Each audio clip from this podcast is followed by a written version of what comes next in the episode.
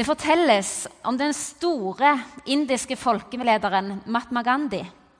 At han en dag fikk besøk av noen europeiske kirkeledere.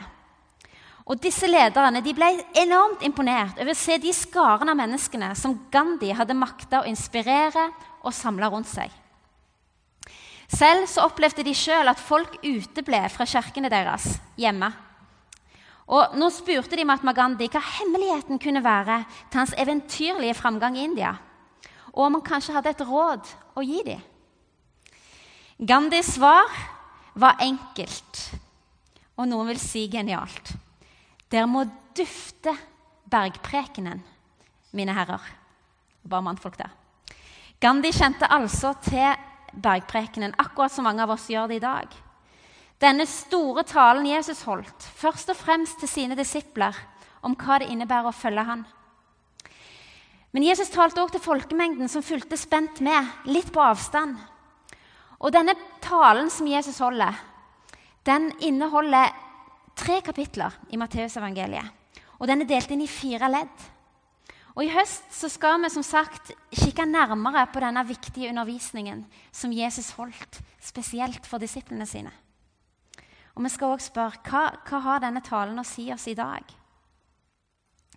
Gordon nevnte at eh, vi har valgt å kalle, tal, eh, kalle taleserien 'Lykkelig er den som prikk, prikk, prikk'.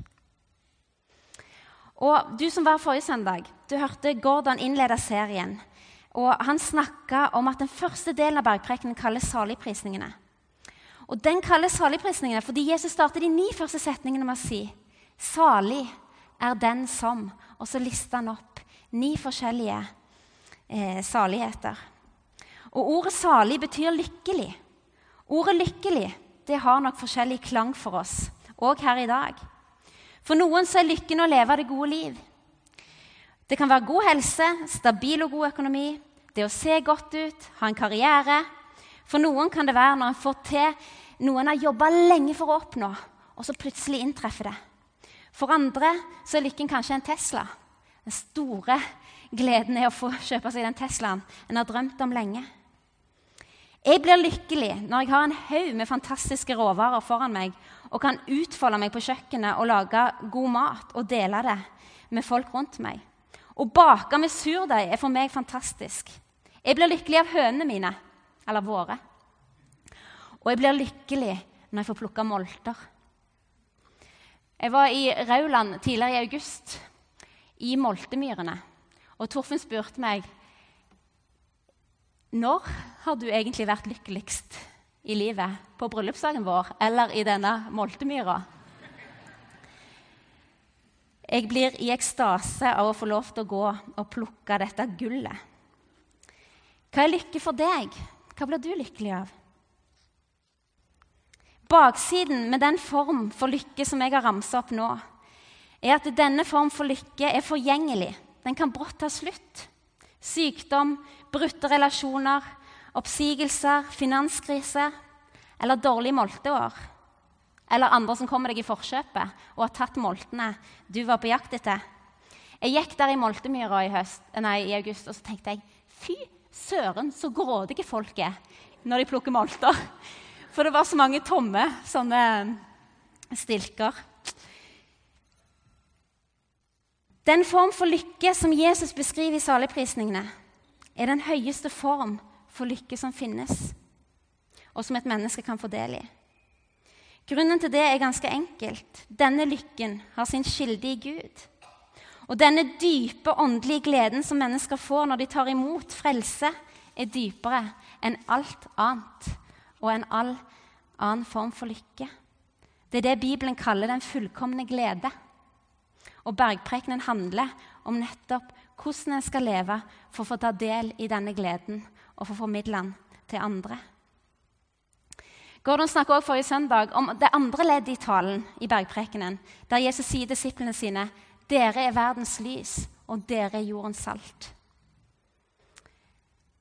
Når man er en etterfølger, en disippel av Jesus, så handler det ikke om hva man gjør, men hva man er i Han.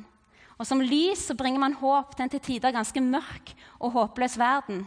Og salt, det vet vi skaper tørst og hindrer forråtnelse. Og Det som er viktig, er å ha disse to første leddene av bergprekenen litt i bakhodet når vi nå skal bruke formiddagen til å se på starten av det tredje leddet. Eh, og det skal vi også bruke de neste tre eh, søndagene på. Um, og Jesus starter denne tredje delen av undervisningen sin med å si Tro ikke at jeg er kommet for å oppheve loven eller profetene. Jeg er ikke kommet for å oppheve, men for å oppfylle. Sannelig, jeg sier dere, før himmel og jord forgår, skal ikke den minste bokstav eller en eneste tøddel i loven forgå, før alt er skjedd. Og Loven og profetene som Jesus snakker om her, er samlingen av skriftene i Gamle testamentet. Alt som står i Det gamle testamentet, er med å peke fram mot at Gud skulle sende Jesus til jord, sin sønn, til frelse for menneskeheten. Og De ti budene altså i loven som ble gitt Moses på Sinai-fjellet, Moseloven, skulle ikke være en pekefinger til folket. Du skal ikke ha andre guder enn meg, du skal holde hviledagen hellig, du skal ikke drepe osv. Det skulle være en hjelp til folket til å følge Gud på vandringen gjennom livet og på vandringen fram mot at Gud skulle oppfylle det han hadde tenkt, nemlig sende sin sønn. Gud ga disse lovene, disse reglene, disse budene i sin omsorg for at det skulle gå godt med folket. Trygge og gode rammer fra en far til sine barn. Og Disiplene som her sitter på høyden rundt Jesus, de kjente godt til denne loven, til, disse, til de gammeltestamentlige skriftene. Og Måten de skriftlærde, altså de religiøse lederne, uttalte seg på i Nye testamentet, det tyder på at hensikten med de rammene Gud hadde gitt folket, budene og reglene, de var kommet, litt i bakgrunnen, og så sto bare prinsippene igjen.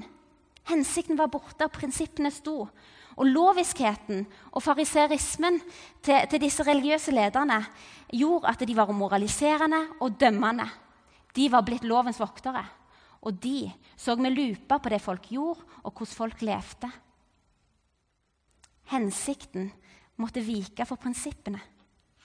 Og de hadde fulgt nøye med, de religiøse lederne, på hva Jesus og disiplene foretok seg. Jesus, som helbreda på sabbaten, la hendene på syke og helbreda på den hviledagen. Det sto jo i budene du skal holde hviledagen hellig. Jesus helbreda på sabbaten. Og Jesus tok korn og spiste på sabbaten. Han plukka mat og ga til disiplene på sabbaten. Han brøyt jo budene, tenkte de kanskje. Det må ha provosert de religiøse lederne på den tida å se hvordan Jesus gikk fram. Og det vet vi, for de prøvde tidlig å bli kvitt han. Så når Jesus her begynner, der han sitter og underviser disiplene sine og nok folkemengden, med å si Tro ikke at jeg er kommet for å oppheve loven, men for å oppfylle den, så tror jeg tilhørende må ha blitt en smule forundra. Og ikke minst når de hører fortsettelsen på Jesus, Jesu ord, som er Dersom ikke deres rettferdighet langt overgår de skriftlærdes og fariseerne, kommer dere aldri inn i himmelriket. Boom, så ungene mine sier. Hvis ikke det dere gjør, langt overgår det dere ser fariseerne og de skriftlærde gjør, så kommer dere aldri inn i himmelriket. Jesus sier, 'Jeg kom for å oppfylle loven, ikke oppfylle den'. Og Så fortsetter Jesus med å liste opp seks bud og lover. Og Det gjør han i fem avsnitt i kapittel fem. Og Han gjør det på en måte som er Alle disse avsnittene i, i bergprekenene er ganske like i formen. Og De begynner med at Jesus sier disse ord. Dere har hørt, dere har sagt til forfedrene. Og Vi skal lese resten av dagens tekst. Dere har hørt det er sagt til forfedrene du skal ikke slå i hjel. Den som slår i hjel, skal være skyldig for domstolen. Men jeg, sier dere, den som blir sint på sin bror, skal være skyldig for domstolen. Og den som sier til sin bror, din idiot, skal være skyldig for det høye råd.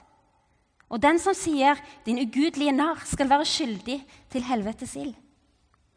Om du bærer din offergave fram til alteret og der kommer til å tenke på at din bror har noe imot deg, så la gaven din ligge foran alteret og gå først og bli forlikt med din bror. Så kan du komme og bære fram offergaven din. Skynd deg å komme overens med din motpart mens du ennå er sammen med ham på veien. Ellers vil motparten din overgi deg til dommeren og dommeren til vakten, og du blir kastet i fengsel. Sannelig, jeg sier deg, du slipper ikke ut derfra før du har betalt til siste øre. Her ser vi at Jesus høyner og skjerper inn de kravene som sto i loven i Det gamle testamentet. Han gjør det nesten uoverkommelig å leve etter den. Og ikke å slå i hjel, som, bud, som det budet lyder, er kanskje overkommelig for mange. Men Jesus skjerper det inn, og så sier han at den bare som blir sint på sin bror, skal være skyldig for domstolen.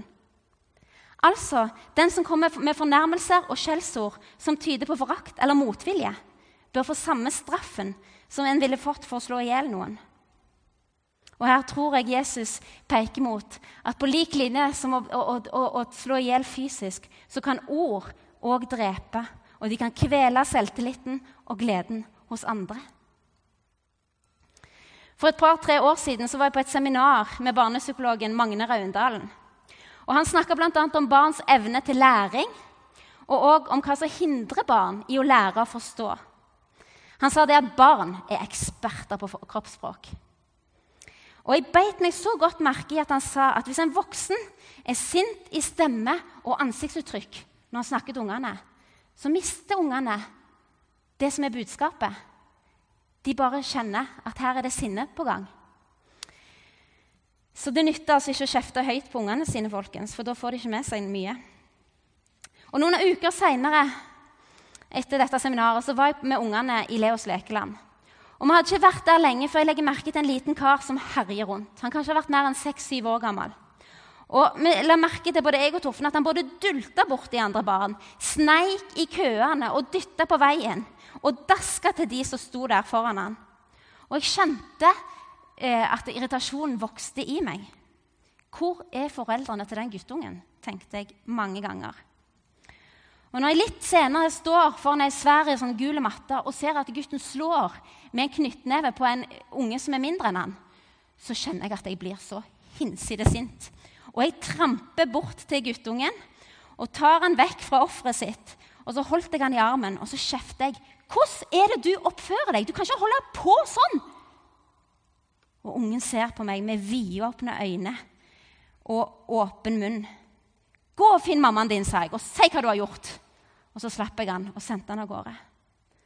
Og så demrer det for meg Magne Raundalen Stor, At når du kjefter høyt og ser sint ut, så får ikke ungene med seg hva du sier. De kjenner bare på frykt og usikkerhet. Og jeg hiver meg rundt og springer etter gutten og setter meg ned på kne og sier med rolig stemme og tydelig stemme Unnskyld at jeg kjefta så høyt for deg. Du, eh, men det du gjorde mot den gutten, var veldig, veldig galt. Du må ikke slå. Kom, så finner vi mammaen din, og så snakker vi litt sammen med henne. Og så gikk det godt til slutt. Og det var når budskapet mitt ble formidla på en rolig og tydelig måte, at det gikk igjennom, og han skjønte Oi sann. Dere tar poenget. Jeg sier ikke at det ikke er lov til å bli sint. Sinne er en viktig følelse som forteller oss noe, på lik linje med de andre følelsene vi har. Sinne er en følelse. Og Det står også at Jesus ble sint, men han synda ikke. Jeg kjente at jeg ble sint når jeg så denne gutten skade en annen. Og Det er på sin plass å være sint over urettferdighet. Men det er hva vi gjør med sinnet, hvordan vi forvalter det, som er viktig. Vi reagerer følelsesmessig før vi reagerer rasjonelt. Eller kan si det sånn før det gjennomtenkte kommer følelsene. Det er kjente terminologier i psykologien. Og Psykiater Ingvar Wilhelmsen sier dette om følelser. Lytte til følelsene kan vi gjerne gjøre, men de kan lure oss trill rundt. Og Det hender vi blir sinte på noe eller noen og så er årsaken en helt annen enn den vi tolker den til. Det kan være andre årsaker til sinne som bygger seg opp inni, inni oss enn akkurat den som utløste det. Dere har kanskje hørt om familiefaren som hadde hatt en skikkelig dårlig dag på jobb. Sjefen ga han tidlig på dagen tydelig beskjed om at jobben han hadde gjort med forrige prosjekt, ikke var god nok. Under lunsjen så sølte en kollega kaffe over hele skjorta hans. Han hadde ikke skift med seg. Og på vei hjem så står han en time i kø pga. et trafikkuhell. Når han endelig setter seg med middagsbordet, skrubb sulten, så velter fireåringen hans et glass saft over hele han.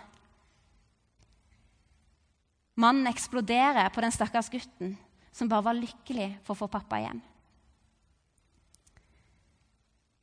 Jakob sier, 'Dette må dere vite, mine kjære søsken.' 'Enhver skal være rask til å høre, men sen til å tale og sen til å bli sint.' For sinnet hos et menneske fører ikke til det som er rett for Gud. Paulus sier det sånn.: Blir dere sinte, så synd ikke, og la ikke solen gå ned over deres vrede. Og I årsbokene 12-16 så står det den dumme viser straks sitt sinne. Klok er den som tier når han krenkes. Konflikter og uenigheter og uoppgjorte ting ødelegger så uendelig mye. Og alle kjenner vi sannsynligvis til et ødelagt ekteskap, vennskap, en ødelagt familierelasjon.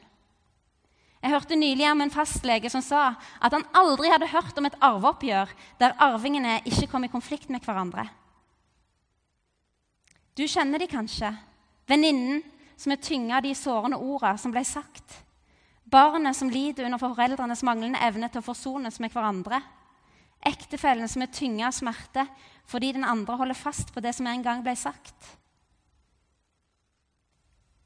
Jesus sier, 'Om du bærer offergaven din framfor alteret' 'og der kommer til å tenke på at din bror har noe imot deg' 'så la gaven ligge igjen foran alteret og gå først og bli forlikt med din bror. Skynd deg å komme overens med motparten din mens du ennå er sammen med ham på veien. Det er ikke for ingenting Jesus sier dette. Han vet hvor lite som skal til for et menneske å rive ned. Et ord sagt i sinne kan slå i hjel. Er du der at du kommer framfor Gud med det du har, med ditt offer, med din lovsang, og du vet at du har noe uoppgjort med noen, da sier Jesus klart og tydelig legg ned offeret og søk forsoning før du igjen kommer fram med det. Jesus er så klar på dette. Å be om tilgivelse kan være så vanskelig, men det har alt å si. Jeg har lyst til å løfte fram en historie som jeg har brukt eksempelet på før, men jeg syns det er så fint. Jeg syns det er så bra. Corrie ten Boom hun er en av mine troshelter. Nederlandsk kvinne som under krigen sammen med familien sin skjulte jøder for tyskerne. Og Så blir de tatt, de blir oppdaget, og hele familien blir sendt i konsentrasjonsleir. Corrie sammen med søstera si. Og hun opplever de største grusomheter et menneske kan oppleve. Mishandling, hun blir sulta, hun blir hånt. Hun ser søstera si dø framfor seg pga. det som er blitt gjort mot henne. Men ved nåde og av nåde så kommer hun sjøl ut av konsentrasjonsleiren og fortsetter å tjene Jesus med gavene hun har. Og hun en, var en verdenskjent forkynner eh, fram til hun døde. Og det står det at Hun reiste rundt og talte, og du kan finne mange av talene hennes på, på, på, YouTube. Og En dag så forteller hun at hun står i Tyskland og forkynner for en forsamling. Og Etter møtet hun forkynner nåde og tilgivelse. Skal tilgi 70 ganger 7. Og Etter møtet så kommer det en mann bort til henne og strekker hånda ut og spør henne eller sier, 'Er ikke det fantastisk at Gud tilgir?' Kan du tilgi meg? Og idet han sier det, så gjenkjenner Corrie han. Og hun kjenner hat, hun kjenner motvilje, hun kjenner sinne. For denne mannen er en av disse fangevokterne som misbrukte henne i leiren. Og Hun kjenner at hun har ikke lyst å strekke ut hånda og ta imot den utstrekte hånda eh, til han fyren. så hører hun Den hellige ånd hviske i øret hennes. Corey, strekk ut hånda di. Og Av erfaring så velger hun å være lydig, og hun rekker ut hånda si. Og kjenner at Jesu varme og kjærlighet og nåde og tilgivende kraft strømmer igjennom henne. Når Jesus sa at han ikke kom for å oppheve loven, men for å oppfylle den, så pekte han på det han skulle gjøre på korset når han ble ofra for vår skyld. Da sa Jesus, det, når Jesus hang på korset, så sa han det er fullbrakt. Så sovna han inn før han ble reist opp den tredje dagen med oppstandelsens kraft. Jesus overvant døden og syndens makt og ble reist opp. Han hadde gjort det mulig. Jesus bana en ny og levende vei mellom mennesker og Gud. Gandhi kjente til bergprekenen. Han med mange andre som ser til Jesus som en flott moralsk og historisk person. Men det holder ikke å bare la seg inspirere av Jesus. Det er umulig for et menneske å leve sånn som det står i bergprekenen, eh, og sånn som Jesus sier vi skal leve. Vi blir sinte. Vi kommer i konflikt. Vi holder ikke mål.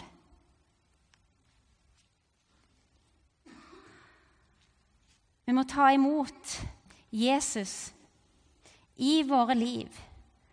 La Hans ånd få bo og råde i oss. Det er da underet skjer, og vi får eie den dypeste form for lykke. I Romerbrevet 8 1-3 så står det dette, og vi skal lese det sammen. Så er det da ingen fordømmelse for den som er i Kristus Jesus. For Åndens lov, som gir liv, har i Kristus Jesus gjort deg fri fra syndens og dødens lov. Det som var umulig for loven, siden den sto maktesløs fordi vi er av kjøtt og blod, det gjorde Gud. Det umulige gjorde Gud. Han sendte sin egen sønn som syndoffer i samme slags kjøtt og blod som det syndige mennesket har, og holdt dom over synden i oss.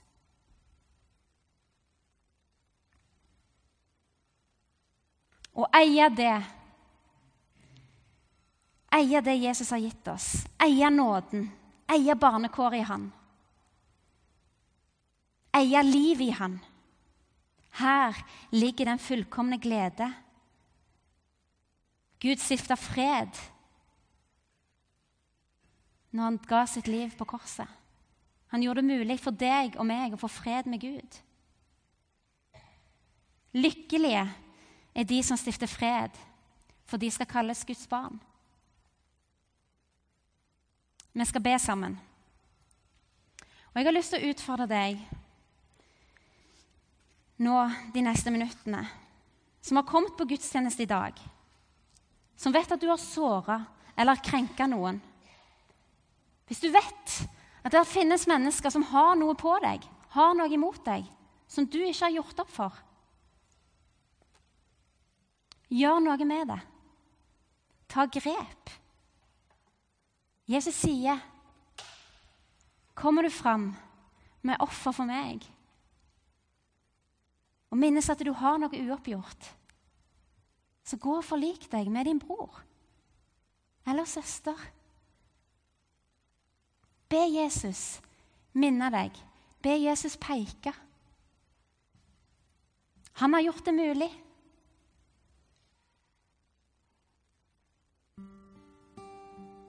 Fangevokteren rakk ut hånda til Corrie ten Boom.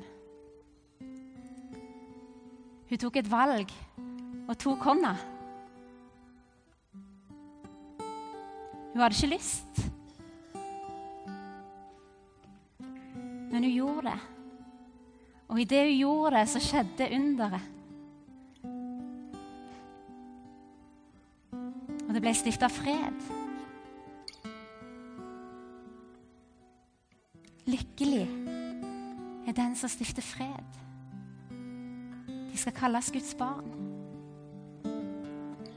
Og Gud kaller oss folkens, til å stifte fred med hverandre.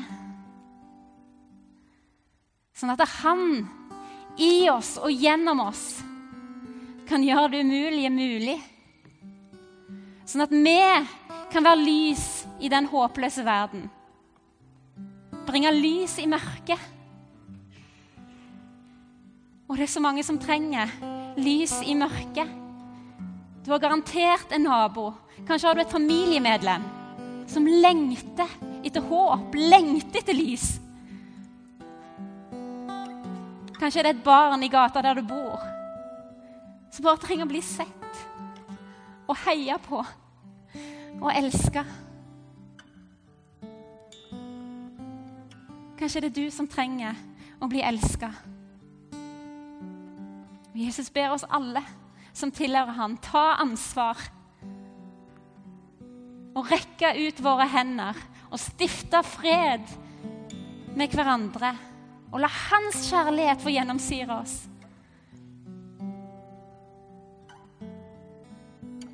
Det er dette vi kalt det, folkens.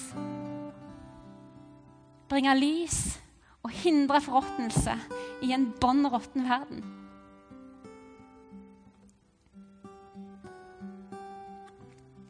La oss be. Herre Jesus Kristus, jeg takker deg for ditt ord. Ditt ord som kløyver marg og bein, Herre. Og det kan noen ganger være vondt, Jesus. Men gi du mot og styrke og kraft til de som trenger å rekke ut ei hånd. Herre Jesus Kristus, si nåde til oss, din kirke på jord, og hjelp oss å gå der du kaller, Herre Jesus. Hjelp oss å gjøre det umulige mulig, Herre Jesus Kristus. Du som er underfull rådgiver, veldig Gud, evig far og fredsfyrste, Herre. Hjelp du oss å stifte fred med hverandre, Herre. Og hjelp du oss å rekke kirkas hender, eller våre hender, ut i samfunnet og ut i en verden som så sårt trenger lys i mørket, håp i håpløsheten. I Jesu navn. Amen.